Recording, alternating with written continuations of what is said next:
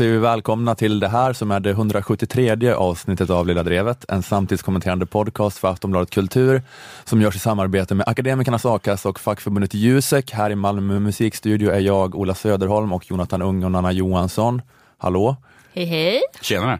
Vi ska den här veckan prata om hur eh, om den här debatten om hur man ska göra svenska skolelevers läsförmåga bättre. Mhm. Och eh, jag ska prata om, eh, ganska länge ska jag prata lite senare, Ja. om eh, techföretagen som handlar om vår personliga data. Sätt på kaffet. Du sålde, in Hot. det, du sålde in det till oss som att det blir en uppföljning på din klassiska prat. Ja, men det är min klassiska prata om uppmärksamhetsekonomin från avsnitt 166. Det här legendariska eposet. Den som du, Ja, men jag, de kommer tala som i generationer jag ska göra en uppföljning om det. Ja, men jag bara skrev i vår interna mailtråd för jag hade en förhoppning om att det kanske skulle få er att gå in och lyssna på den. För att det hade underlättat den här veckan lite grann ifall ni hade hört den nu när jag gör en uppföljning Men jag på den. har hört det. Du har gjort det, jag, okej. har, jag har lyssnat lite. Ska jag lyssna lite? Jag har inte lyssnat på de senaste avsnitten. Okej. Men jag har lyssnat på, eh, några veckor höll jag upp det. Ja, ja, ja. Alltså, du har mage. Ge, ge, hemläxa. Ja, men det var, jag, Jonathan, hur många har du lyssnat på? Ja, men jag sa inte explicit gå in och lyssna, men jag tänkte bara att eh, jag, jag bara försökte styra er dit. Liksom. Har ni läst det här kompendiumet som jag har gjort om mig själv? Jag tycker att det vore bra om ni bara kunde läsa på. Så att ni liksom känner vem jag är. Ni kan börja med mina tidigare år. Mm.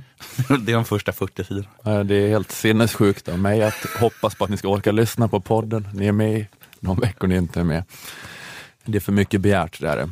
Nej, men jag tänkte att det var mera, det var inte piska, det var morot. Jag beskriver det här som den här poddpratan från avsnitt 166 som en modern klassiker, så kanske de blir sugna och går in och lyssnar. Men det, men det var för mycket att hoppas på. Um, Okej, men jag ska i alla fall prata om det senare. Mm. Men eh, först så ska vi prata om hur det går med metoo i Chile. Just det. Och eh, det här är ju då en eh, nyhet om eh, Sydamerika, Mm. eller Latinamerika som de som vill ja. göra sig till brukar Verkligen. säga. Och det har då varit en följetong med eh, Sydamerika i Lilla Drevet, att, eh, att, att du och jag har hållit på och gnälla om att vi inte är så intresserade av Sydamerika. Och att vi Nej. tycker att Sveriges Radio framförallt kanske har en överdriven bevakning av Sydamerika. Och vi har haft det lite då som ett internskämt, ett running gag här i Lilla Drevet.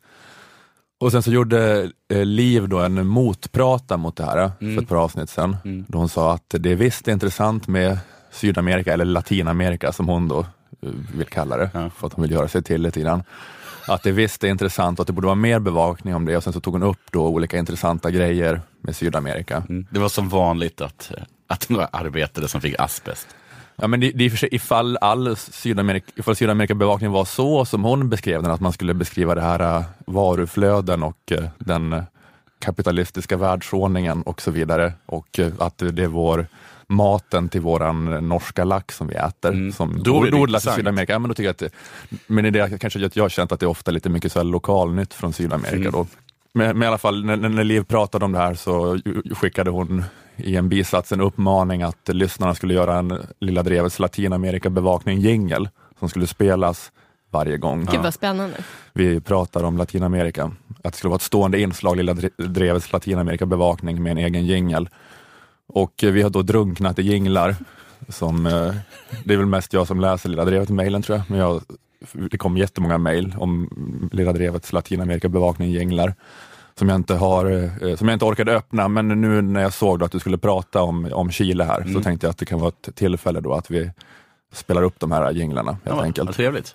Så vi kan eh, höra på några av de här jinglarna som har kommit in. Som ett intro till din prat här. Ja. Lilla drevet, lilla drevet,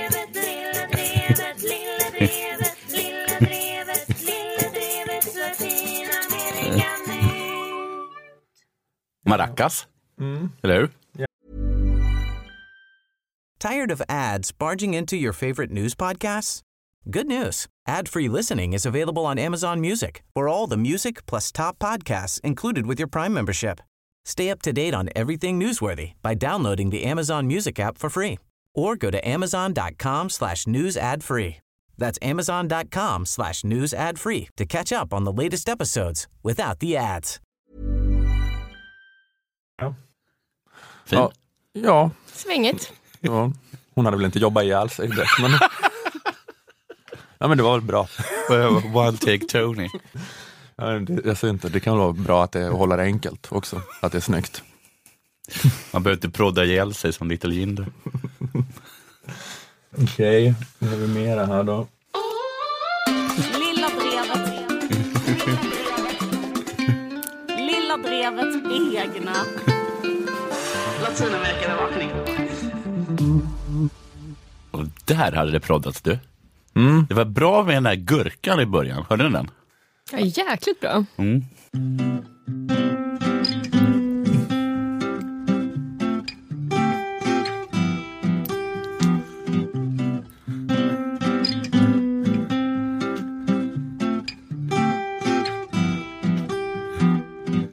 Ja, det där gillar jag. För att jag ser verkligen Latinamerika som gitarr. Ja, det var, det var typisk latinamerikansk gitarr kanske. Ja. Var det bossa nova? typ, Kanske till och med att det var det. I Latinamerika är det ju så att eh, det är inte så att det är alltid en kille som har med sig gitarr, utan alla har ju alla är ju gitarrkillen. Ja, just det. Alla är den där jobbar gitarrkillen i Latinamerika. Precis, när man pratar om eh, gitarrdouche Ja. i, i Latinamerika så förstår man inte vad man menar. Nej, du menar bara douche? Det är som att fråga fisken om vattnet. Den vet inte vad vatten är för Nej. någonting. Man vet den irriterade snubben som alltid, va? Du menar en snubbe? Okej, vi tar nästa då.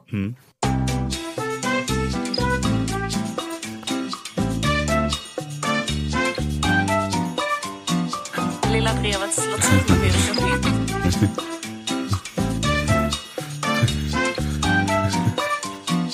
Lilla drevets latinamerikahit.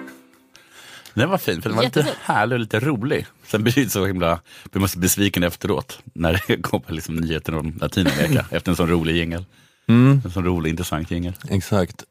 En jingel som inte håller vad den lovar. Nej. Eller liksom inte kan hålla vad den lovar. Precis. Nu redovisningsnytt. Men jag undrar ifall det där var samma person faktiskt som gjort den förra. För jag tror det var lite samma melodi. Men det förra var bara en enklare gitarrkomp Ja, ja. och så här var lite mer producerat. Mm.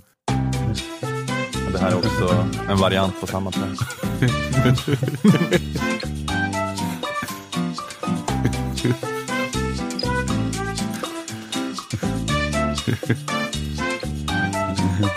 Nej. Någon är helt galen den, i den melodin.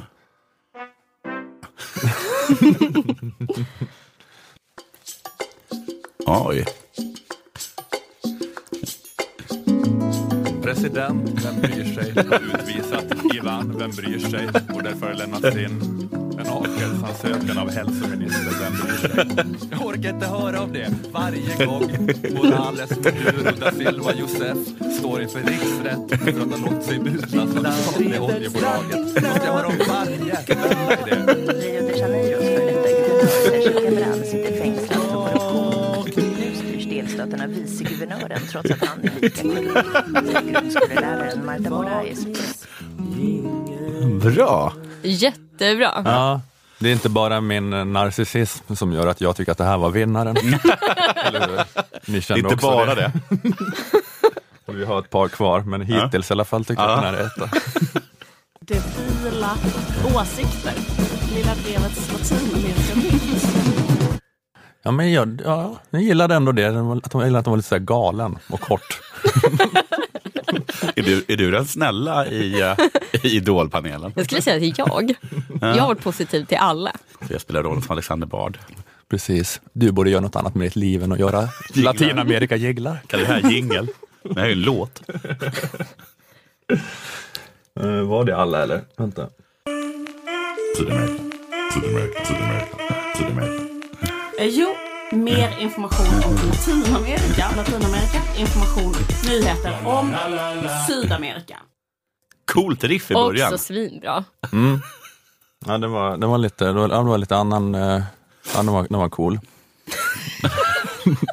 Och vi vet cool. Har Ola sagt det så? Meddelande från coolhetsministeriet. Du behöver inte undra längre. Den var cool. Ja.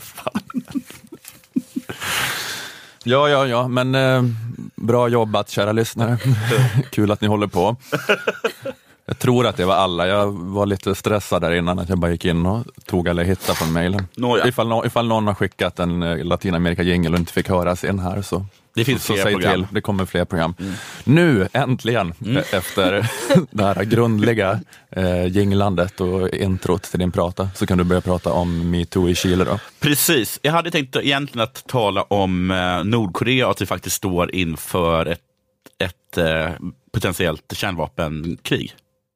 Mm. Eh, eller att vi hade tänkt att vi skulle göra någonting mot vårt grannland eh, och broder, broderland, Finland, fi- firar 200 år va? 100 år. va? 100 bara? Okej, det var kanske inte så mycket. Kommer vi igenom 100 år, då kan det börja ha jubileum. Ja, herregud.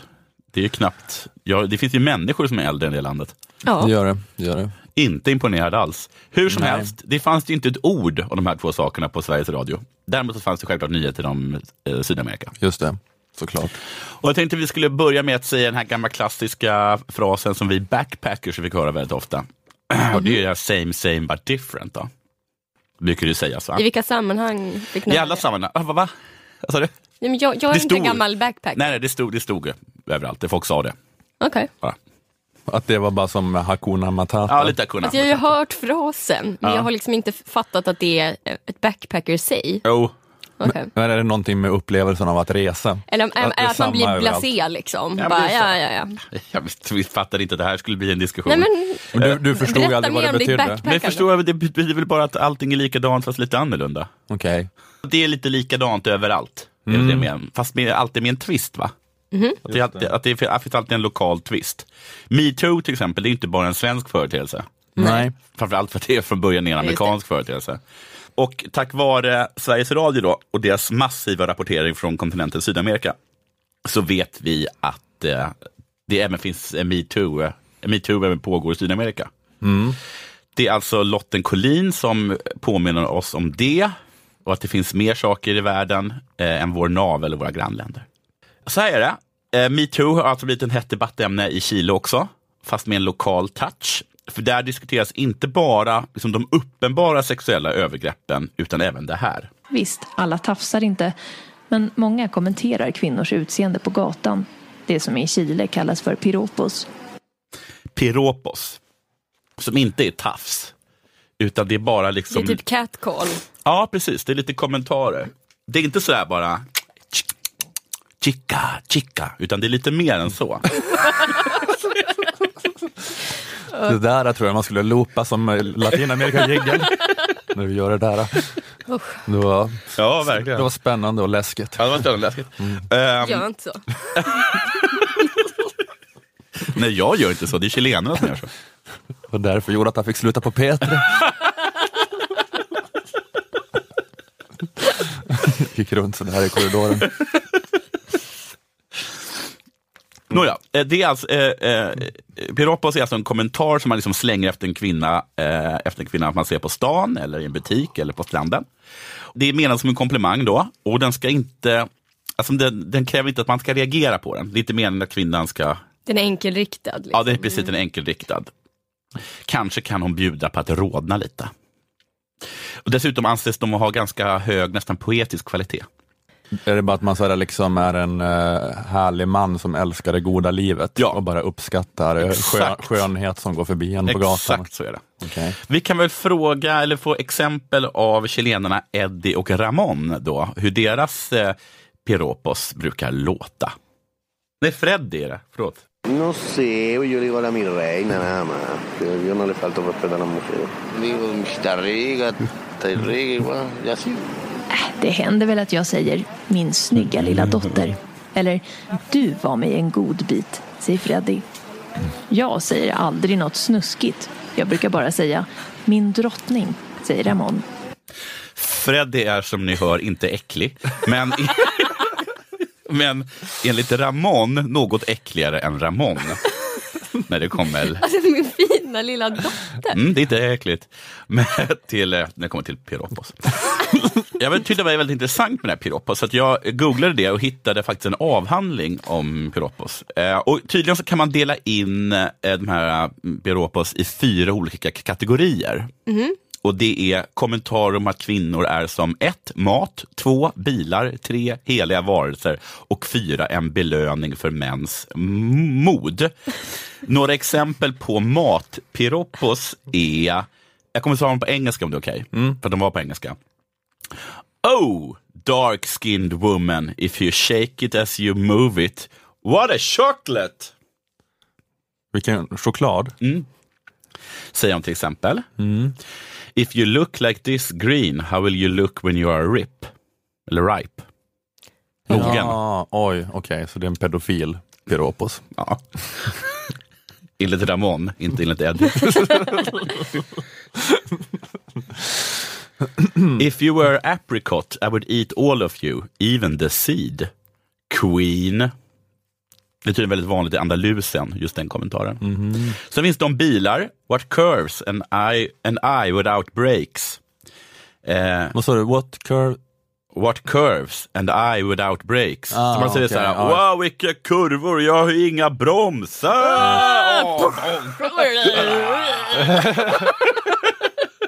Att folk ligger på gatan och spelar ut den ofta i Latinamerika.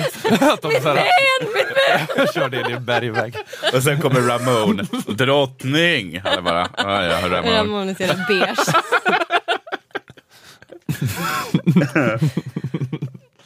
Eh, I would willingly crash into your fenders. Säger man i Chile. Är det, är det liksom något sjölingo eller säger alla det? Liksom? Alla säger det. Vad Eller är, det kanske, i och för sig, det kanske finns på bilar också. är Fender Ja, ja, Fenders är väl... stötdämpare? Men vad eller? tänker jag på som är på en båt? Ja, du tänkte, det heter väl något liknande. Okej. Men jag vet inte riktigt, sånt där, jag kan inte sånt där jättemycket. Den är en lite otydligare metafor tycker jag. I Dina, would like- dina stötdämpare, Ja. om du förstår vad jag menar. Eller, Ja, Ja, just, det- då förstår man ju ja. absolut ja, vad ja, jag men menar. kanske. Ja. Mm. Så där, är ju, så där skulle inte Ramon säga då.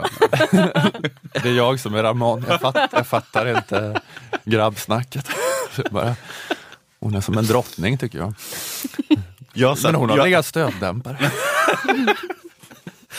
jag, satt, jag, satt, jag satt på P3s korridor och bara Chica chica.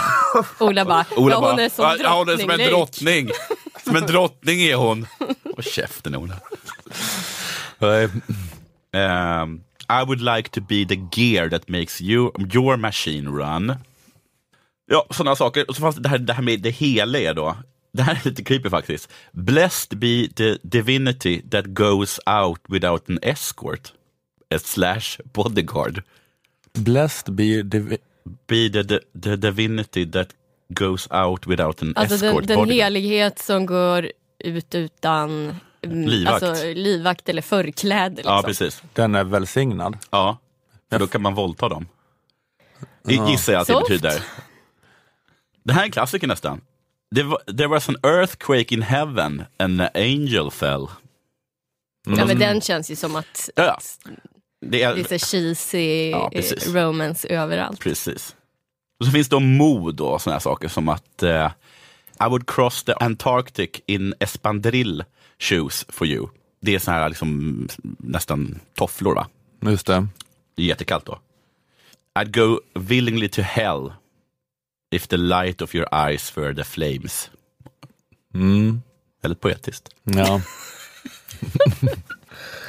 Men också liksom, hur only- hinner man säga något så långt medan Mm. någon liksom går förbi? Ja. Vet inte. Får man liksom skrika mot slutet? Om det är dina ögon! ja, men då kan jag fatta liksom Ramon som bara, man hinner säga kanske så här, åh min drottning, Ja, och sen så är tillfället förbi. ja precis. Man, Men de som liksom läser en, en, en haiku, liksom, jag vet inte. man kanske var tvungen att gå efter De dem går lite. efter några meter, Ja. precis. För den här Ja, är, if you, obehagligt. if you only would look at me I would dare to walk barefoot on a bed of hot coals. Ja, då måste man nog gå efter va? Man går med efter den. Det är också en uppmaning liksom att titta Åh, på mig. gud vad jobbigt. Ja, Och så kanske de bjuder på lite rodnad då. nej, eller ett långfinger. Det här har i alla fall varit så himla himla härligt eh, då i Chile. Men Mm. eh, nu har folk börjat reagera på det. Just det, att det inte bara är härligt. Nej. Och jag vet inte om det här är värre eller inte jämfört med vår, vår, alltså vår, vår, vår sorts sexuella liksom, trakasserier. det det här finns, det finns ju här också. Men det är kanske Så det är inte lika, mycket- poetiskt. Det är inte så att alla är Björn Ranelid när de sexuellt trakasserar folk. Nej, men det finns ju. Ja, det här oerhört, men det här oerhört blommiga Ja, språket. det är väldigt blommigt. För att egentligen var det menat att det skulle handla om det här. Häromdagen var det en man som tafsade på en flicka på bussen och vi passagerare lyckades övertala busschauffören att köra till en polisstation så att vi kunde anmäla honom. Men polisen ville inte ta anmälan. De sa att det inte var ett brott att tafsa, säger Melania. Det är nämligen inte ett brott att tafsa i Chile. Men de funderar på att göra det till ett brott. Det var egentligen det det skulle handla om. Om att det är helt sjukt. Ja. Men som så vanligt i Sydamerika så är det som att allting runt omkring tar över. Och just då att det, alla de här alltid för blommiga sexuella trakasserierna på något sätt, det är som att allting blir så fånigt. Så att det knappt blir allvarligt. Har jag rätt i det?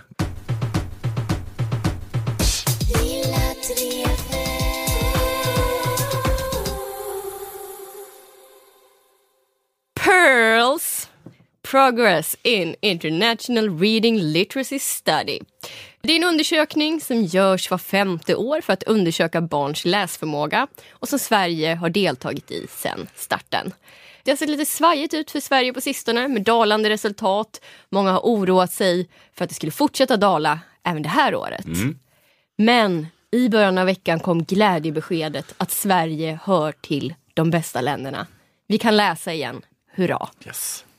Men att resultatet av undersökningen inte hade kommit hindrade inte Agenda från att i söndags prata om hur dåliga svenska barn är på att läsa. De var så säkra på att det skulle bli ett bottenresultat i Pearls att de gjorde ett reportage som felaktigt byggde på den här premissen. Varför blir våra barn allt sämre på att läsa? På tisdag kommer resultaten i Pearls, en internationell studie i över 50 länder som mäter fjärdeklassares läsförståelse. Hittills i mätningarna har svenska barns prestationer dalat och Sverige har gått från att ha varit världsbäst på läsning till att placera sig i mitten av de undersökta länderna. Mm. Eh, en anledning till att Agenda inte väntade på att resultatet skulle komma var kanske att de var så himla sugna att hitta en syndabock till det här med barns dalande läsförmåga. Som alltså inte är dalande enligt Pearls, men som ändå paketerades som det i reportaget. Vad tror ni då att deras främsta syndabock var? Var det A. Lärarna? B. Föräldrarna? Eller C. Datorerna, telefonerna och paddorna? Jag tror det sista. Ja, jag också. Det var såklart C. Datorerna, telefonerna och paddorna. Och så har vi datorerna, telefonerna och paddorna. Kan det vara så att våra barn tappar förmågan att sträva mot ett långsiktigt mål, att kämpa och vänta på en belöning? Den långsamma tillfredsställelsen i att läsa en bok konkurrerar med spelen, snabba kickar och belöningar utan ansträngning. Mm. Utan ansträngning. Men det, Ja, precis, det, det, då har de inte spelat vissa spel. Nej. Ska jag se, ska jag, ska jag se honom spela Dark Souls 2? Just det. Ja, ska ni hålla på så här och vara Nej, såna här förorättade gamers så. nu som ska hålla på och säga det är visst riktig Pappa, kultur. jag ska inte. Men, men det var liksom, eh, det var, det var konstigt. Ska du slu, sluta spela spel sitt, lyssna på mitt klassiska inslag från Varför Lilla lyssnar ni Drevet? inte på min klassiska prata från Lilla Drevet? Sitter där och spelar spel på telefon. Åh, vilken fin tjej! En drottning! Ja, förlåt. Ja, Nej. men vad var det jag skulle säga? Jo, att, ehm, men att det var konstigt för att det är ju en eh, internationell jämförelse där också. Ja. Så att spel och paddor, alltså hela den grejen är ju Det håller ju inte eftersom det finns. Ja, precis. Det är så att också ett det, globalt det är konstigt att man skulle bli relativt sämre jämfört med de andra länderna. Ja, precis. Ehm, Men de fortsatte i alla fall med det här caset och snackade med folk som sa så här. Vi kanske har blivit för beroende av mobilen och frågan är vad är det för texter vi läser på mobilen. Så det man vet är att, att svenska elever, men det finns säkert i andra länder också, att man har allt svårare att förhålla sig till längre texter. Och som för att ännu tydligare understryka hur mycket den moderna tekniken korrumperar de unga så intervjuade man även ett gäng barn som bland annat sa så här. Ibland har jag inte någonting att göra på fritiden. Till exempel kanske min eh, ladd på mobilen är slut. Eller att eh, mina vänner kanske inte är hemma eller någonting sånt. Så brukar jag ta en bok och läsa. Och Bröderna Lejonhjärta, jag såg filmen så att jag tyckte att det blev lite för spoilat. Men den var jättebra bok ändå. Just det, Bröderna Lejonhjärta blivit spoilad. Den här twisten att det inte bara finns ett Nangijala, utan också ett Nangilila. Nej, men det förstår man väl, om man redan vet hur det slutar ska man Ja. gå igenom en jättelång bok. Precis. Nej, men han berättar alltså att förutsättningen för att plocka upp en bok är att det finns absolut inget annat att göra. Mobilen surf är slut, alla kamrater är spårlöst försvunna. Då blir det läsning. Eh, vi kan lyssna på ett annat barn som intervjuas. Förr i tiden så hade man inte så himla roliga vet du, spel på mobilen och sånt. Så då brukar man välja mest att läsa en bok eller något. Mm. Nej, men man kan ju liksom gubb eller tant klucka åt det här. Men barnet har ju faktiskt rätt. Läsa böcker kan inte tävla med spel i kategorin kul. Lika lite som banan kan tävla mot chips i kategorin gott. Många människor tycker att banan är helt okej gott, men det är inget man väljer till fredagsmyset precis.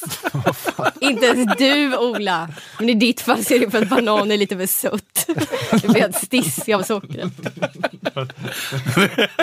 Vem har gett Ola banan? nu kommer han sitta uppe hela natten och lyssna på sina klassiska prater.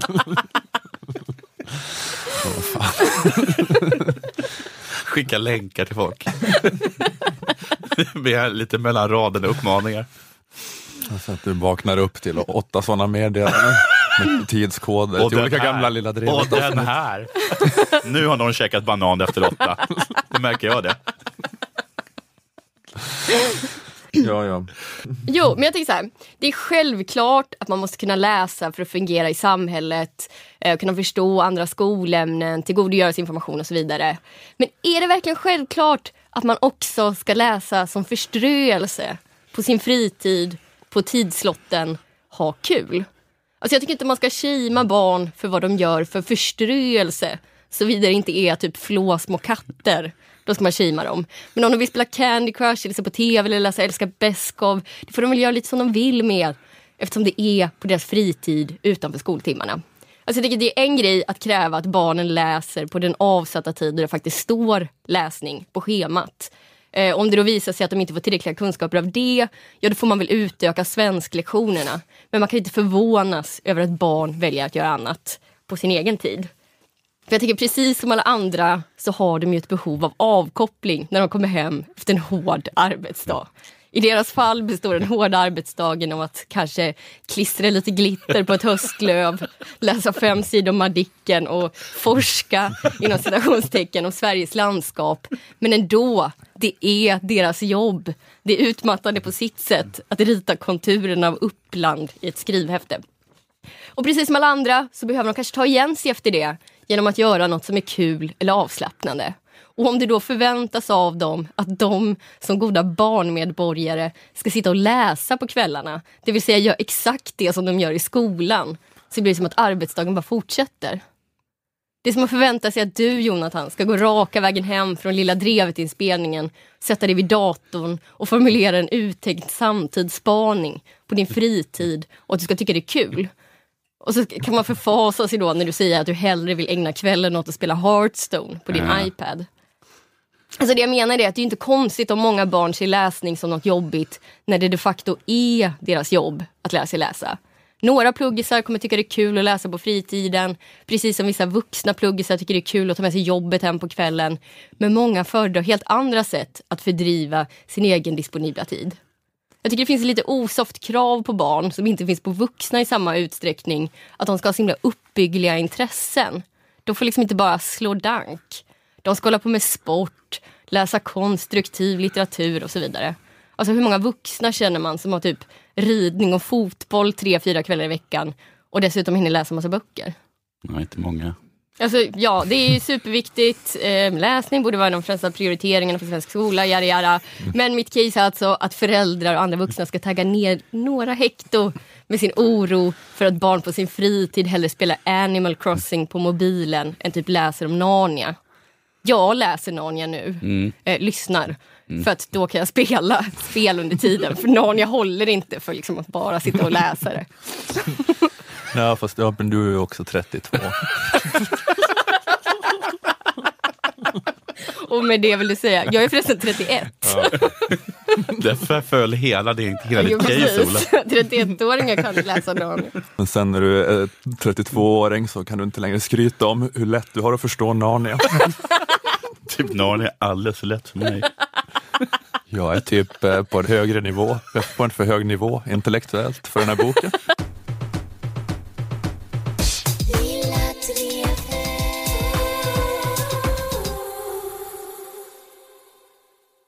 Ja, jag tänkte att vi skulle hålla oss kvar då vid, vid läs och skrivförmåga. Mm. Och att läsa och skriva är något av ett A och ett O Just det. när det kommer till utbildning. Håller ni med mig? Alltså vi kan ju inte nog understryka hur viktigt det är att kunna Eh, läsa Och skriva. och skriva. Och därför ska vi tala om detta som togs upp i Studio 1.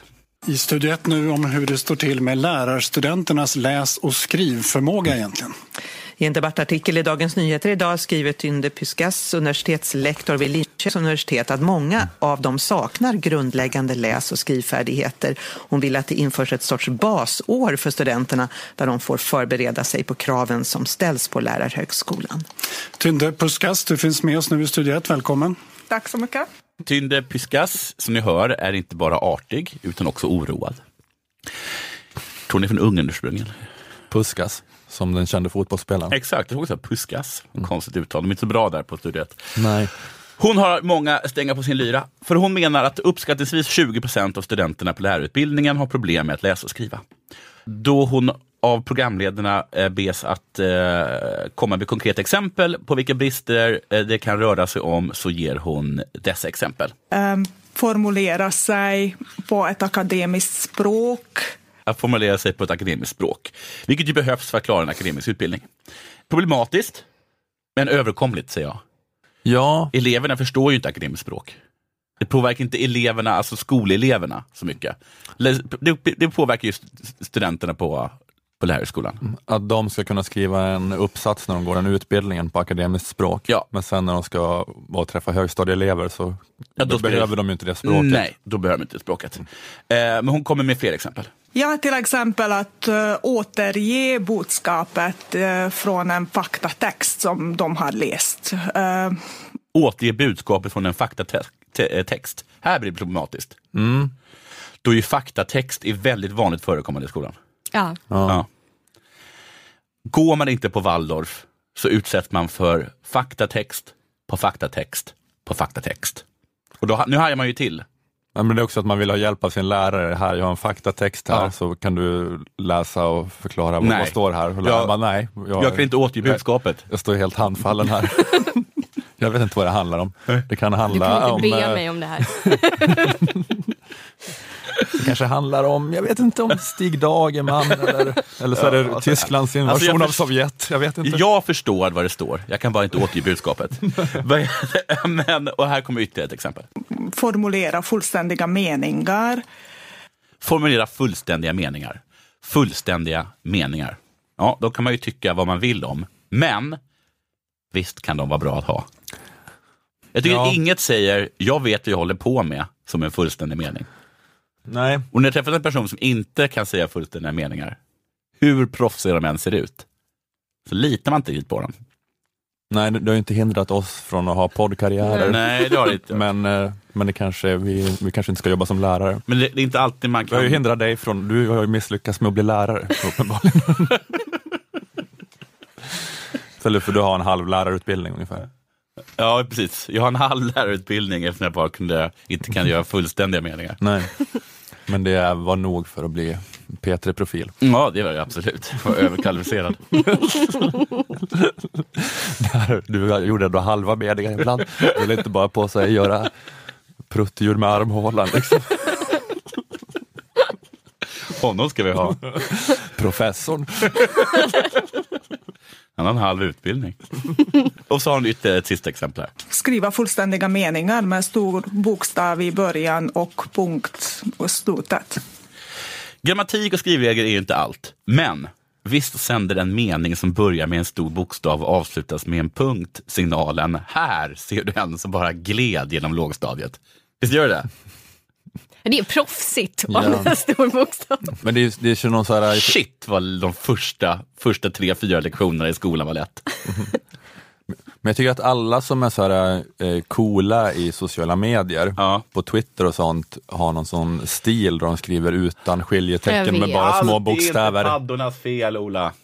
Nej men jag menar att det är lite hög, Ja, det- hög det- status att skriva upp lite så. What? Alla som Ja, är så här. Så roliga ska på vara- Twitter Usch! skriver Det är ett ut. grepp liksom. Ja, det är ett grepp. Lägg Precis. med det greppet. För att, vet du det är för någonting? Det är funkofobi. Det är att håna alla lärarstudenter där ute i Sverige som faktiskt inte kan skriva med stor bokstav och avsluta med punkt. Nej, just det. Men eh, if, om, lärar, om lärarstudenterna har tur så kommer det uppfattas som ett medvetet grepp och de framstår som någon sån cool, rolig it-girl på Twitter Precis. där de skriver. Bra, då, är de, då har de klarat det hindret. Ja. Då, jag, då är bara hindret att eh, återge budskapet i en faktatext. så, så, så, är, så är de klara. Jo, hon menar också att det är svårt att bedöma elevernas kunskap i olika ämnen. För att hon är liksom en ämneslärare. Hon, hon har inte lärt ut skriv och läsförmåga. Eh, Det är väldigt svårt att bedöma elevernas i, på lärarskolans kunskap i olika ämnen. För det är omöjligt att förstå vad de menar i sina tentor. Man kan inte avgöra om det är en dålig tenta. Nej, just det. Men man kan, det, det är omöjligt att, att veta om de är godkända eller icke godkända eftersom det inte går att förstå vad de... Det går inte att dechiffrera. Nej. Mm. Läs och skrivförmågan behövs liksom för alla ämnen för att annars Det blir det först- obegripligt att veta ifall Ja, de det är mycket möjligt att de eller- kan allt om eh, högmedeltiden. Mm. Det är bara att det går inte att komma fram till när man läser deras texter. De, de är som sådana människor som lider av locked in syndrom. Då man är döv och stum och blind. Mm. Precis. Sitter och kan jättemycket, Kan inne i jättemycket. sin bubbla där, Mm. men det går inte att kommunicera Ja, exakt. ute. Så är människorna som är på lärarhögskolan. Så nivån är alltså väldigt låg och den ska nu bli ännu lägre. För regeringen har lagt ett lagförslag om ett bredare deltagande i lärarutbildningen. Vilket är, alltså då ska man veta att när jag gick på lärarhögskolan, om man får köra en sån sak, så var kravet för att komma in på utbildningen kunna skicka ett mejl. Mm. Det är väl så här 0,1 på högskoleprovet. eller något. Det, uppenbarligen var det inte ett mejl som någon förstod. Det, men, men, men så länge någon hade lyckats skicka det, så var man klar i stan. Så därför, har de, därför har de föreslagit ett akademiskt basår då, för eleverna, så att de ska lära sig att läsa och skriva. Men Jakob Adanovic, som är vice ordförande i Sveriges förenade studentkårer, han påpekar att det blir lite konstigt eh, då ju eleverna redan har behörighet till utbildningen. För att så här är det nämligen att man måste i princip kunna läsa och skriva för att komma in på lärarutbildningen. Alltså kravet, ett av kraven är att man har gått ut gymnasiet tror jag. Mm. Ett annat krav är att man ska kunna läsa och skriva. Så att i princip Det har de ju ett- sagt, jag kan läsa och skriva, för annars kan de inte komma in på utbildningen. Det är väl kravet för att klara gymnasiet kanske, att man kan läsa och skriva. Ja. Så det är implicit då liksom att man kan läsa och skriva. Så de som, de som har kommit in kan, i alla fall i teorin då, enligt vad man har kommit fram till, Mm. läsa och skriva. För att man har kommit överens om att ni som ska börja lärarutbildningen, ni, ni kan läsa och skriva. Det blir lite undligt på något sätt. Problemet är med han liksom att gymnasieskolorna ger godkänt till elever som egentligen inte når upp till det betyget, Mm. när det kommer till läsa och skriva. Det här systemet att de får ingen skolpeng annars, om de inte ger höga betyg Ja, till så kan det kanske det. Så kruxet ligger liksom inte på lärar, i, i lärarhögskolan, utan egentligen är det då gy- gymnasiet då, som är problemet. Det är där problemet finns. Mm. Men precis som du sa, så egentligen är det inte ens gymnasiet. Alltså, för visst måste man kunna läsa och skriva för att gå på gymnasiet. Alltså, du vill komma till att det är surfplattorna som är... nej, men bara, visst är det konstigt? Alltså, hur, det är inte bara så att det är undligt att de, att de här människorna har kommit in på lärarhögskolan. Det är väl konstigt att de överhuvudtaget kom in på gymnasieskolan. Mm. Eller jag kanske bara, för jag vet att det var så här att det fanns liksom vissa kriterier. Man var tvungen att ha klarat av grundskolan. Kärnämnen i alla fall. Ja. Och det kan man väl inte om man inte kan läsa och skriva? I teorin Ja. ska det vara så. i teorin ska det vara så. Ja. Hur fan kom de in på gymnasiet om de inte kan läsa och skriva? Mm. Så att det här är väl på något sätt ett strukturellt problem, men det är också ett individuellt problem. Va? Vet de här personerna som inte kan läsa och skriva, vet de inte om att de inte kan läsa och skriva? De kanske inte vet att de inte kan läsa och skriva. Alltså om man frågar dem, kan du läsa och skriva, tror jag de svarar ja. Ja. Och sen så, Och sen- för jag och har sen så kommer, det, sen kommer det en sån här himla faktatext Ja. och då blir det så här att ah, det är så typiskt att det inte går när man ska visa. Den här gången också. Det kan ju egentligen.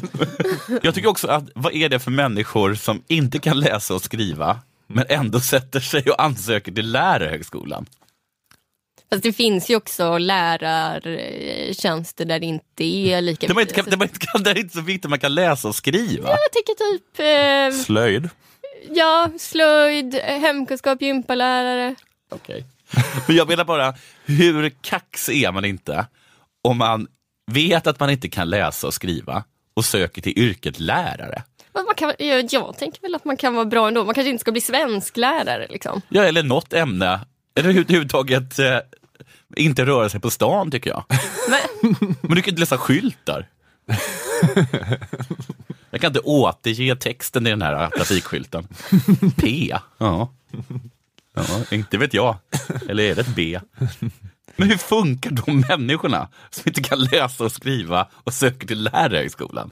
Men alltså, hur gott självförtroende har man men då? hur tänkte du när du Jag kan läsa och skriva. Men de... Eh... Inte så bra, men liksom, jag, jag vet ju att jag var ganska nervös min första dag på, på lärarhögskolan. Men kan du tänka vad nervös jag hade varit om jag visste att jag inte kunde läsa och skriva? Men det är väl bara att det, är ju det som blir kvar åt dem som inte kan läsa och skriva. Alltså det är det enda de kommer in på, lärarhögskolan. Är det inte det? Det här uttrycket, jag brukar säga att barnen lär mig. Det har aldrig varit så sant.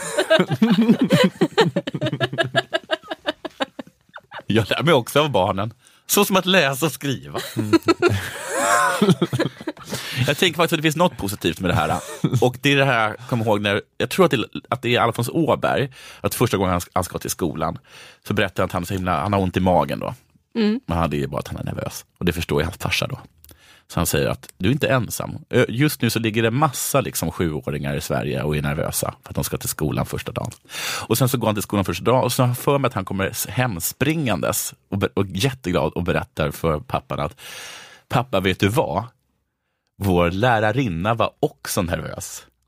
Och så kan jag tänka mig att det kanske kommer vara nu också. Att man kommer dit, är kanske lite orolig för att man inte kan läsa och skriva. Och så kommer man hem till mamma och pappa och berättar att, vet du vad? Lärarinnan kan inte heller läsa och skriva. Och så blir alla glada. Det, när, när de går igenom alfabetet och eh, lärarinnan ställer frågor. Är det här, Så här, hur- är det här ett A eller? Precis. Är Vilken är första bokstaven i alfabetet? Varje gång hon får ett svar från en elev så säger hon okej, okej, ja men ja, okej, vad bra. Och det här borde jag anteckna om jag bara kunde skriva.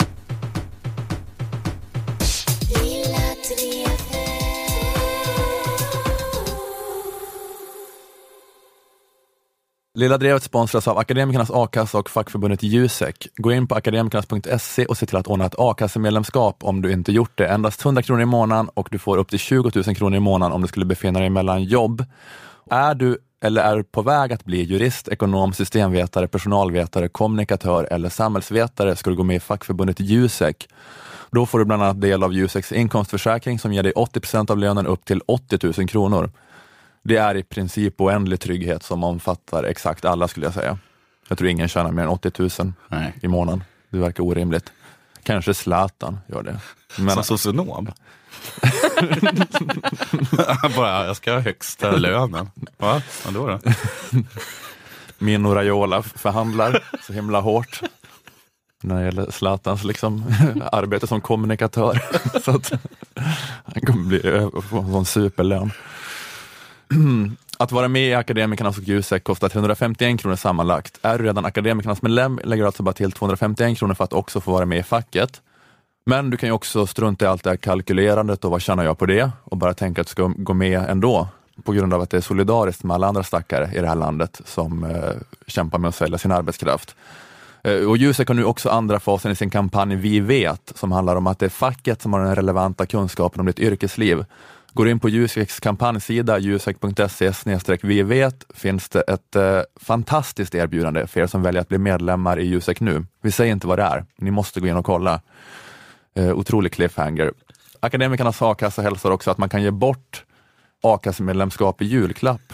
Ett par månaders medlemskap i a-kassan, den perfekta julklappen. Skicka ett mejl till podd.aea.se så kommer Akademikernas a-kassa hjälpa dig att styra upp det så att du får ge bort julklappen oändlig evig trygghet till någon speciell. Tar du steget att gå med i Akademikernas a-kassa och snedstreck eller fackförbundet Jusek tack vare den här podden kan du gärna meddela a-kassan och eller facket det. Du kan också skriva om det i sociala medier under hashtag lilla drevet.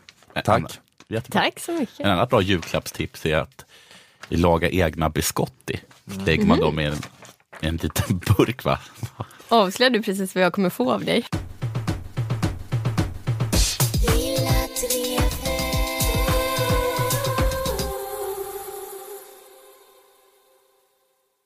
Jag såg på Youtube en eh, föreläsning på, från London School of Economics Coolt. av eh, sociologiprofessorn Beverly Skeggs. Aha. En föreläsning som heter eh, You are being tracked, evaluated and sold. Mm. Eh, en- En föreläsning då som handlar om den digitala ekonomin, hur Facebook och Google och ja, det är typ de, ett par till kanske, de handlar med vår personliga data. Ja. Eh, Deras intäkter är annonser och de samlar in data om oss utifrån vårt internetbeteende som de säljer till företagen eh, som, de gör, som gör att de kan eh, kasta reklam på oss skräddarsydd för var och en av oss på ett aldrig tidigare skådat sätt. Eller politisk propaganda skräddarsydd för var och en av oss. Om det är en sån aktör som betalar för vår personliga data. Men det är då att de kan förutspå allting mer och mer och eh, särskilt på grund av någon ny EU-lag om bankavreglering som ska komma nu i januari, som kommer göra att Facebook får tillgång till all finansiell data i Europa på något vis, som kommer göra att deras algoritmer blir ännu bättre på att förstå hur rika vi är och hur vi tänker spendera våra pengar och vad vi kommer göra. Och Skeggs menar att det här drabbar fattiga, att rika till exempel får reklam i olika produkter, men fattiga säljs in i skuld ofta. Att de får reklam för olika banker och låneföretag. Eller att de säljs så här lågkvalitativ utbildning, att de då säljs studieskulder. Och att det här blir, blir någon slags klassförstärkande grej, att algoritmerna profilerar oss som fattiga eller rika eh, genom att analysera vårt nätbeteende, vårt konsumtionsbeteende och vad vi har för nätverk. Och vad vi ser i våra flöden blir då eh, skräddarsytt utifrån det. För Facebook och Google styrs av annonsörernas intressen och de i underklassen profileras som underklass och säljs dåliga lån och deras situation blir värre. Liksom, att det blir en så självförstärkande process. Eh, det var en kvinna i publiken som ställde en kritisk fråga om det här, eh, de här Facebook och Google-algoritmerna, om de verkligen är så bra på att pinpointa oss under frågestunden efter föreläsningen. Och LSI som hon säger då står för London School of Economics. I'm an LSE graduate, and therefore, I hope you all realize as LSE graduates, I am high net worth, and I have got an amazing network. But on a more serious note, what a load of shitty ads I get that have nothing to do with anything. I've just rented a house in France for the summer, so what comes up? Houses to rent in France. Didn't they realise I've just done it? I'm not going to do it again. so, but seriously, if all the algorithms are meant to be so intelligent and learning stuff, why aren't they? Knivskarp. Alltså det där var liksom inte ens humble brag. Det var... Ja, jag tyckte, jag, det här det var är kanske inte så viktigt att ha med det här, jag tyckte bara att det var en härlig kvinna. jag vill mest bara spela upp det här ljudklippet. En härlig brittisk kvinna. Men jag har också tänkt på det att man, man blir förföljd av en annons ofta. Att man, får, att man kan få reklam för det man precis har köpt. Alltså om man har köpt en bok på Adlibris och sen är man inne på Aftonbladet, då är det bara den banners för Mm. den boken. Köp Tage Erlanders dagböcker 1961 till 1963 igen. Jag kommer ihåg att jag får, jag får så himla mycket reklam från, för banker som inte är så nogräknade som vill att jag ska ta lån av dem. Ah. Då måste ju de veta att jag har superdålig kredit. Mm. Att, eh, Här är en kille som har typ 11 stycken anmärkningar. Men är det också att du har så googlat på vad är skatt? Vad, vad är moms? Skulder, det är så farligt. Varför har du stängt av med el? Men sitter, jag, sitter jag och googlar det. Dummer. Jag har ingen el ju. Du har lite batteri kvar på datorn. Det är det sista, precis när svaret kommer så dör datorn. Um, Okej, de, samlar in, eh, de samlar in data om oss och säljer. Eh, Jag pratade lite eh, typ om det här i avsnitt 166 av Lilla Drevet. Mm. Då. Den här som, Klassikern. moderna klassikern som vi har ventilerat tidigare. Eh, Den pratan om uppmärksamhetsekonomin. Att det nu för tiden inte finns brist på information eller underhållning eller distraktioner för att fylla ut vår tid som det var förr då SVT visade en tecknad film eller en musikvideo om året. Fick man ladda i veckor inför det. Att Annika Jankell eller Alice Ba eller vem det var skulle visa Michael Jackson för en. Ge en en kort smak av västerlandet. Ja, ja, slut på den här Monty Python-sketchen om hur det var förr, hur hårt det var. Ja, men nu för tiden är det då inte brist på information, det är vår uppmärksamhet som är den knappa resursen. Mm. Och i uppmärksamhetsekonomin tävlar alla om att fånga den. Och de som lyckas mest med det är en handfull techföretag i norra Kalifornien, i Silicon Valley. Facebook, Google, Apple, Twitter, Amazon, Instagram. Eller Instagram är en del av Facebook nu tror jag, de är uppköpta av, Mm. av Facebook. Och många av oss då, kanske den stora majoriteten, eh, har ju en känsla av att vi med hjälp av de här produkterna sitter och klickar och scrollar bort all vår tid. Ständigt distraherade, ständigt lite halvhöga på flyktiga kickar av attacker på vår reptilhjärna, utlösta av att få bli bekräftade av likes eller att få bli gråtmild av någon sentimental viral video. Kanske allra oftast få bli härligt arg och uppfylld av självrättfärdighet över någon vidrighet. Att en amerikansk tandläkare åkte till Zimbabwe och skjutit ihjäl ett lejon. Eller att Alexander Bard har twittrat eller någonting. Och jag refererade förra gången till olika killar som jobbar som designers och ingenjörer för de här stora techföretagen som nu hoppat av och är visselblåsare som gör TED-talks där de varnar för att ett par tusen jättesmarta 34-åriga killar i norra Kalifornien har mer makt än vad romarriket eller katolska kyrkan någonsin haft när det gäller att styra människors uppmärksamhet och vanor och tankar och sätt att interagera. Och att det är helt och bortom någon demokratisk kontroll. I want you to imagine walking into a room, control room with a bunch of people, a hundred people hunched over at desks with little dials, and that that control room will shape the thoughts and feelings of a billion people. This might sound like science fiction, but this actually exists right now today. I know because I used to be in one of those control rooms. Ha, Jag hatar TED Talks. Hatar TED Talks, ja. Jag vet inte I riktigt. used to be one of those people. Mm, ja, det är lite TED-talket, men eh, Tristan Harris heter den här eh, Silicon Valley-avhopparen. Um, eller skulle du säga något mer? Nej, jag bara kände så här, så, så är det säkert. Men Det låter lite självförhärligande. så viktigt är det kanske inte det där kontrollrummet i Silicon Valley. Jag är skeptisk tills vi bevisat motsatsen, Ola. I alla fall de här smartaste människorna eh, i världen. Deras mål när de utvecklar teknologin är att eh, fånga så mycket av vår uppmärksamhet som möjligt. Att få oss att stanna kvar så länge som möjligt framför Facebook eller Twitter eller vad det är. Och äh, de menar att det är viktigt att vi ser på det lite grann som någon, något neutralt eh, hjälpmedel eller någon sån här grej som man bara har, men att den liksom utvecklas inte slumpmässigt den här teknologin, utan den utvecklas i en riktning och målet är liksom att fånga så mycket uppmärksamhet som möjligt.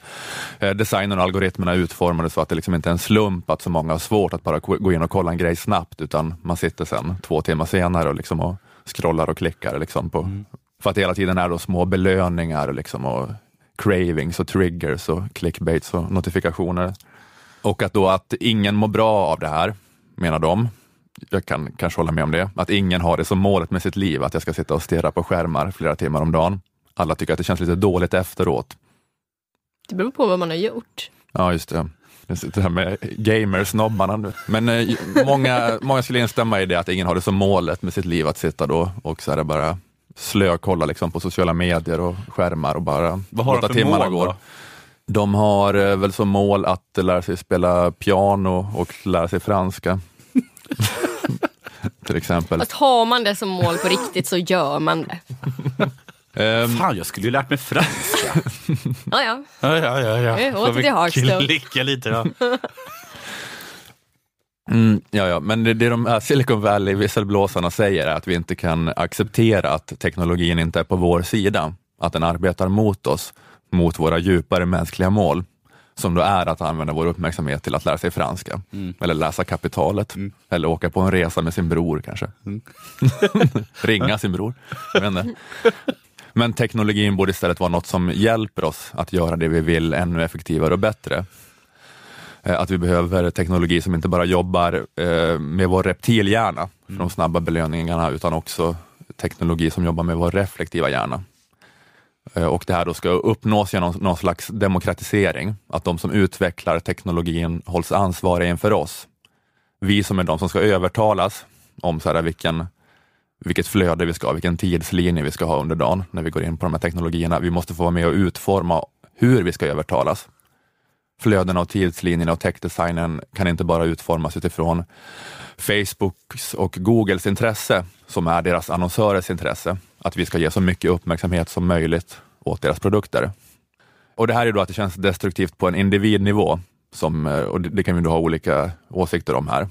Att eh, ni, ni typ att det är Nu, jag tycker också det är hemskt att exponeras för annonser. Jag tycker inte nödvändigtvis att det är hemskt att exponeras liksom för eh, ett spel. Ja, exakt. Nej, men det, är precis. Nej, men det är lite olika diskussioner sådär, vad, eh, vad man menar här.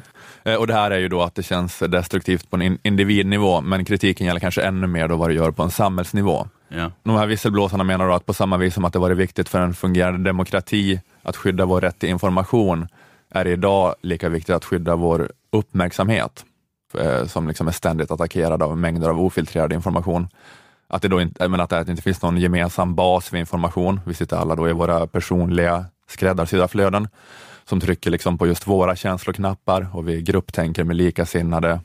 Och de här då clickbait-nyheterna som väcker känslor, personskandaler, åsiktskrönikor, mediebråk, de trumfar allt annat. Och att det, är att det polariserar och trumpifierar, eh, vilket förlamar debatten och, då, och i förlängningen då kanske undergräver demokratin, enligt de här människorna i alla fall. Att alla sitter och knarkar känslor och ilska. Att det är konstant på sociala medier sådana här kaskader av outrage eh, mot Staffan Heimerssons krönika eller Linnea Claessons krönika. Och alla är bara mer och mer upptrissade och stingsliga. Och det känns som att det spelar ingen roll vem du är. Alltså om, alltså om du är Svenska Akademin eller Expressens och Aftonbladets chefredaktörer, att alla är helt galna. Så får, får man ju en känsla av mer och mer. Att eh, ingen kan hantera stormen. Och jag fattar att det finns ju också såklart då reell politik och reella motsättningar här bortom mediet och teknologin. Eh, Men jag tror liksom att det är en eh, stor del i varför det så ofta brakar samman i kaos och ilska och fastade beslut är att teknologin vi använder för att kommunicera med varandra är designad så att vi bara hör ett konstant skrikande och ska bli maximalt arga, för det är det effektivaste sättet att få oss att eh, stanna kvar liksom, och klicka och scrolla. Alltså att, att allt som var en storm eller en skandal förr i tiden, det är liksom upphöjt till tio nu och det kommer tio gånger så ofta.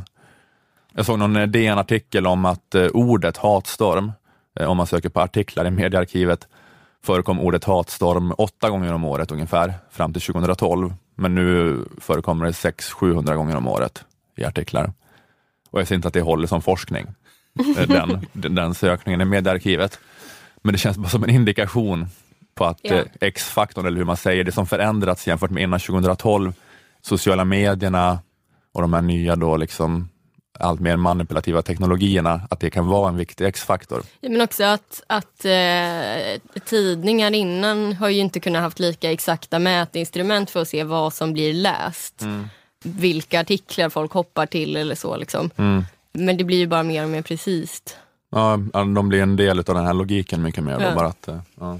Ehm, det här kanske inte med saken att göra, men hur, hur ofta sitter folk på, alltså hur, hur mycket är folk på Facebook? Ja, jag undrar också det. För jag är inte så mycket på Facebook. Det stjäl för mycket tid från spel. ja, precis. det blir typ det som räddar en från så här, sociala Mm. medieträsket.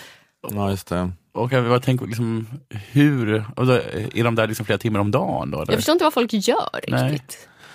Nej, men att man eh, bara eh, försvinner in i en sån loop att eh, det slumpas upp liksom den här människan i mitt nätverk som jag liksom är ofta intresserad av, har tyckt till om den här krönikan, så är det en diskussion under Ja. den i Men det tar, posten. Och sen, det tar väl en tio minuter att läsa eller?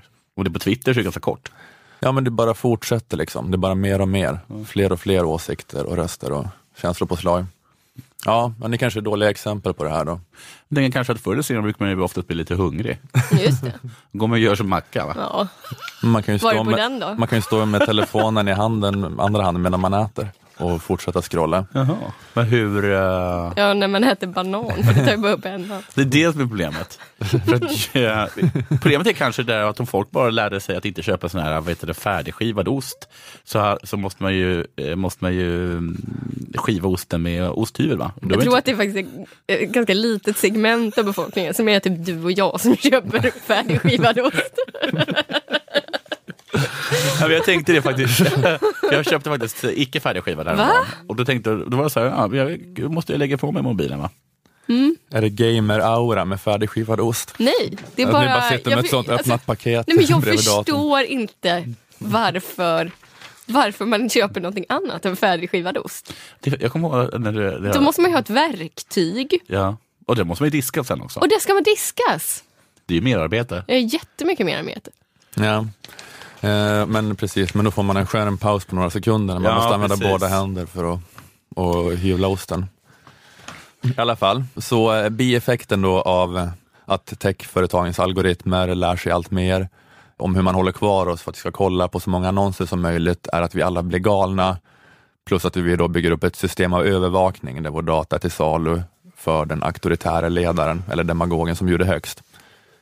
För ni kanske mera kan relatera till den grejen då som oroande, att ni tycker att det här med uppmärksamhet är lite löjligt och att det bara är att skärpa sig. Liksom. Men hela den här datainsamlingsgrejen, hur det handlas med vår personliga data Ja, och det- den informationen. Lite osoft. Ja, Det, det kan ni ställa upp på lite Mm. mer då kanske.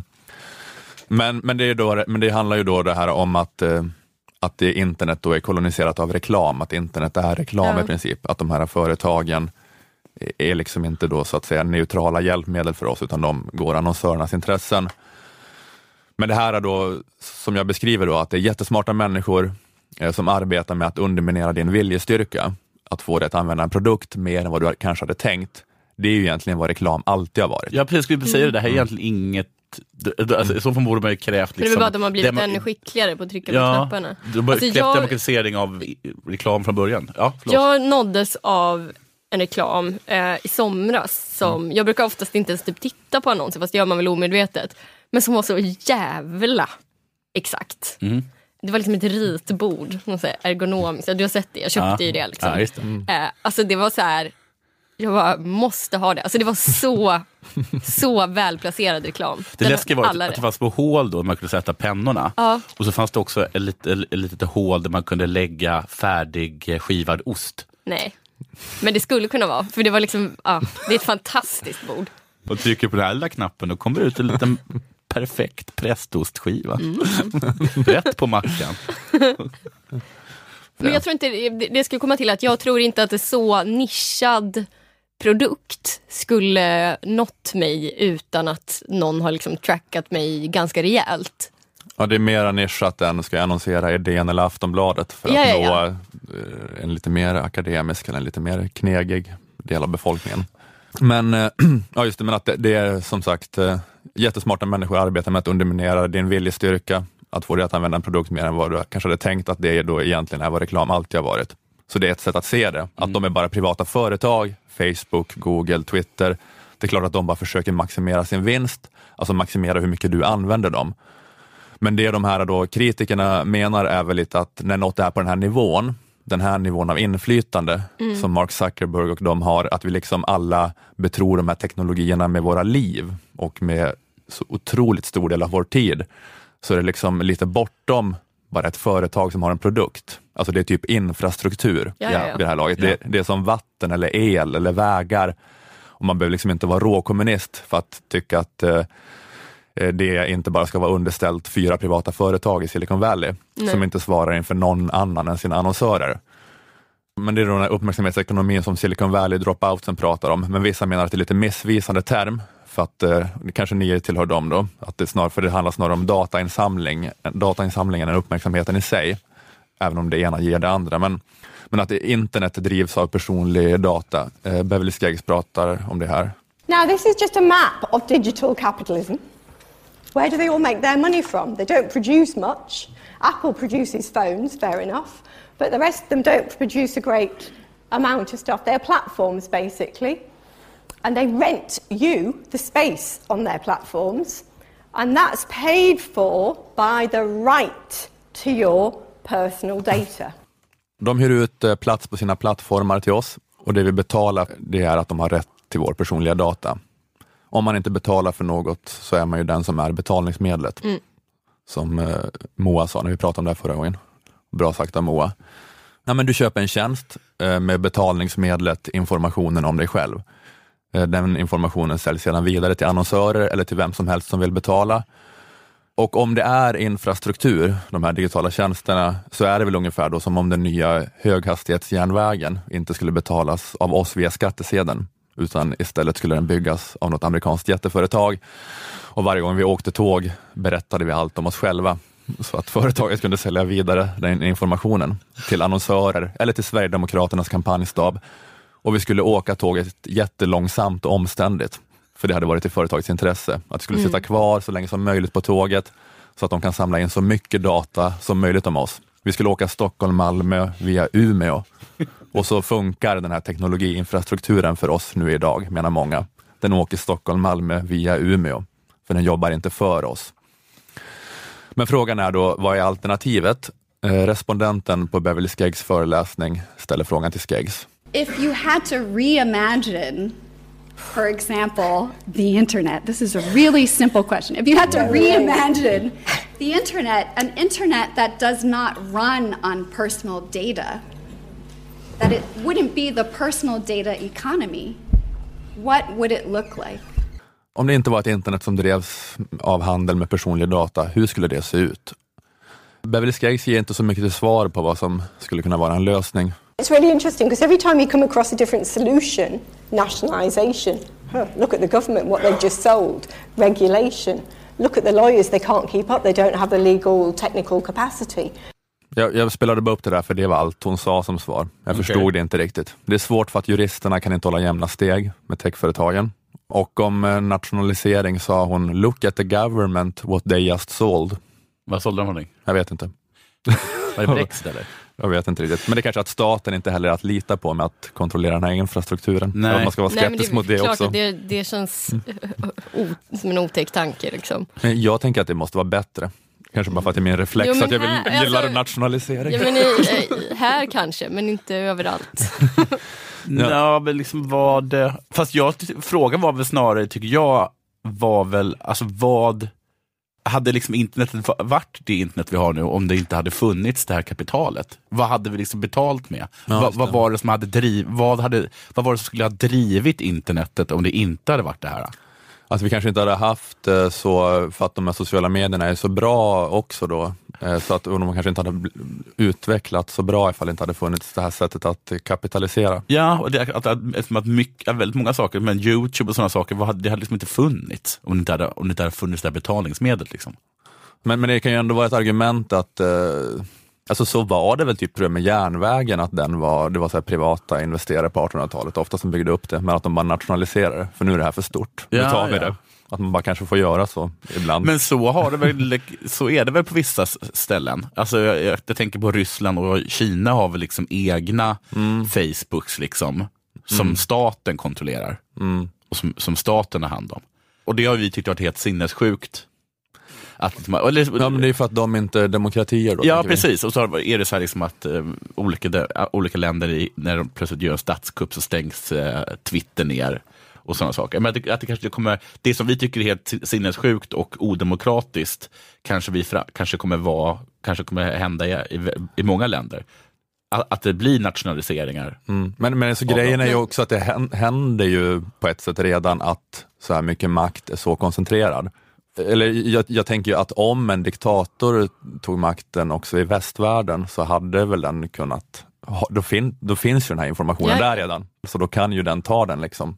Alltså, Ja. det, det, det är väl det, att den här liksom otroliga datainsamlingskapaciteten och eh, redan finns och att den redan har samlat in så mycket data.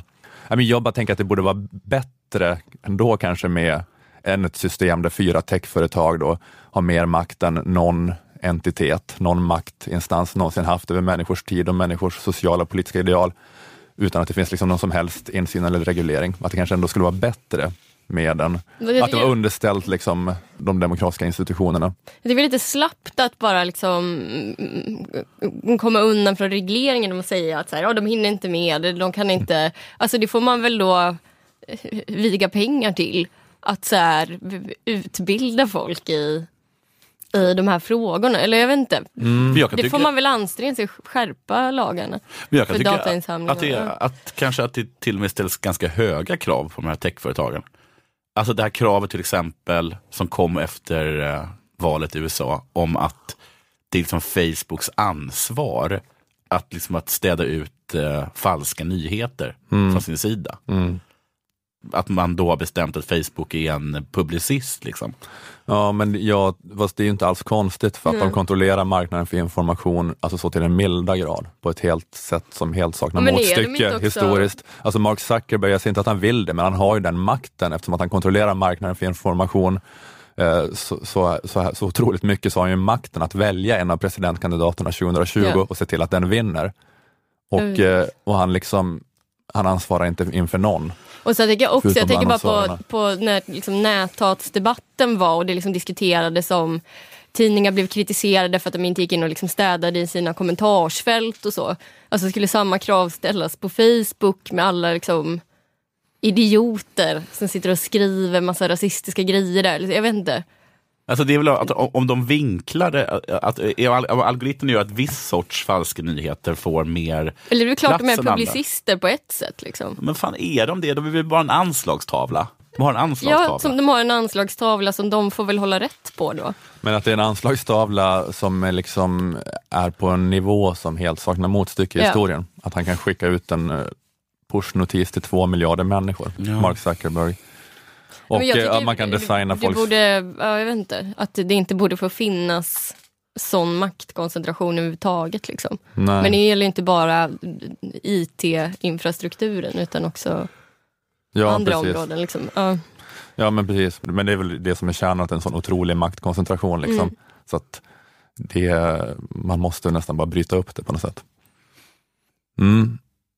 Jag vill bara säga som avslutningsvis att det fanns någonting lite, jag brassar mitt eget käkkänsla när jag hyvlade min egen ost.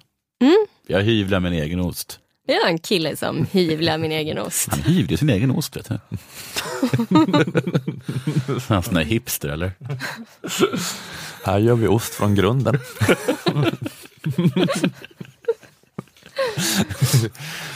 Öppna en sån, en sån ny koncept pop-up restaurang på Möllan där du står bara, det är bara du och en prästost och en hyvel. Men man kan göra- Folk kommer in och köpa ost. man kan göra det lite snyggt, att man kommer med ostbrickan till bordet. Mm. Så, Ja. får, där, så får alla ta en brödskiva. Och sen så, de hyvlar vid bordet. Men jag är förvånad att du ens har en osthyvel. Det trodde jag inte. Det är mycket om mig du inte vet. Du är- som att jag hyvlar min egen ost till exempel. Jag trodde jag kände dig. Om jag satt på det där tåget som åkte för Stockholm, Umeå och Malmö Mm. och de bad mig berätta om mig själv, då skulle de flesta av de timmarna gå åt till att berätta anekdoter om hur jag hyvlar min egen ost. Och så nästa dag när jag går in på Facebook, vad är det reklam för då? Osthyvlar va? Ja, just det. Du har liksom din ost i ett bälte som hänger från ett bälte. Eller är det osthyvel menar jag. Också min egen Och ett sånt osthjul. Ost, osthjul och ett verktygsbälte som det hänger en osthyvel. Vilken grej jag gör av det hela tiden. Jonathan, liksom, det, det är också så här, en svettdroppe rinner på honom, han suger på fingrarna. Om man skulle Det är sånt ta jävla- sig en skiva. Det är nästan en ceremoni. Jonathans dotter kommer berätta sen om hur, hur stort det var när pappa skar en bit ost. Åh nej. Jag hamnade bredvid ostkillen på tåget. Stockholm, Umeå, Malmö. Ja, vad kan jag säga om mig? Ja, mitt bälte avslöjar väl det mesta. Ska du ha en skiva? Jag vill att du berättar lite om dig själv. Ja. Fan sugen jag blev på ost. Bra jobbat hörni. Förutom grevé, det tycker jag är äckligt. Ja, det är lite så här, så här nötigt och sött. Ja. Um, ja, är, är det väl någon... Jag är inte så glad i brie. Ja. Jag tycker det smakar källare. Men jag tror att du har ätit ganska dålig brie. Mm, Okej, du får visa mig. Och store gurun, du får visa mig hur jag ska äta, vad jag ska äta för brie.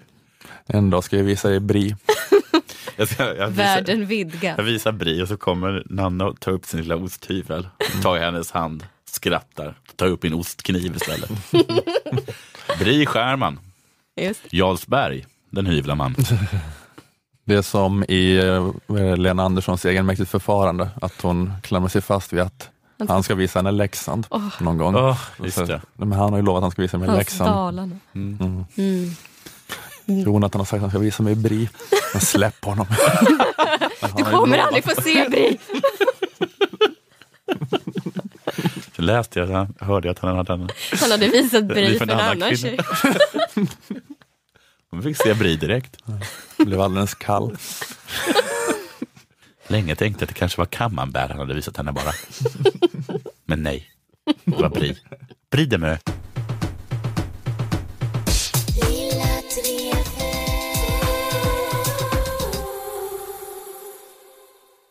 Eh, okej, okay, men det var allt för den här veckan. Vi säger tack till Aftonbladets kultur, Akademikernas A-kassa och fackförbundet Jusek. Tack till Malmö musikstudio där vi spelade in. Jag heter Ola Söderholm, ni heter Nanna Johansson och Jonathan Unge. Hej då! Hej! Hej hej! Ooh.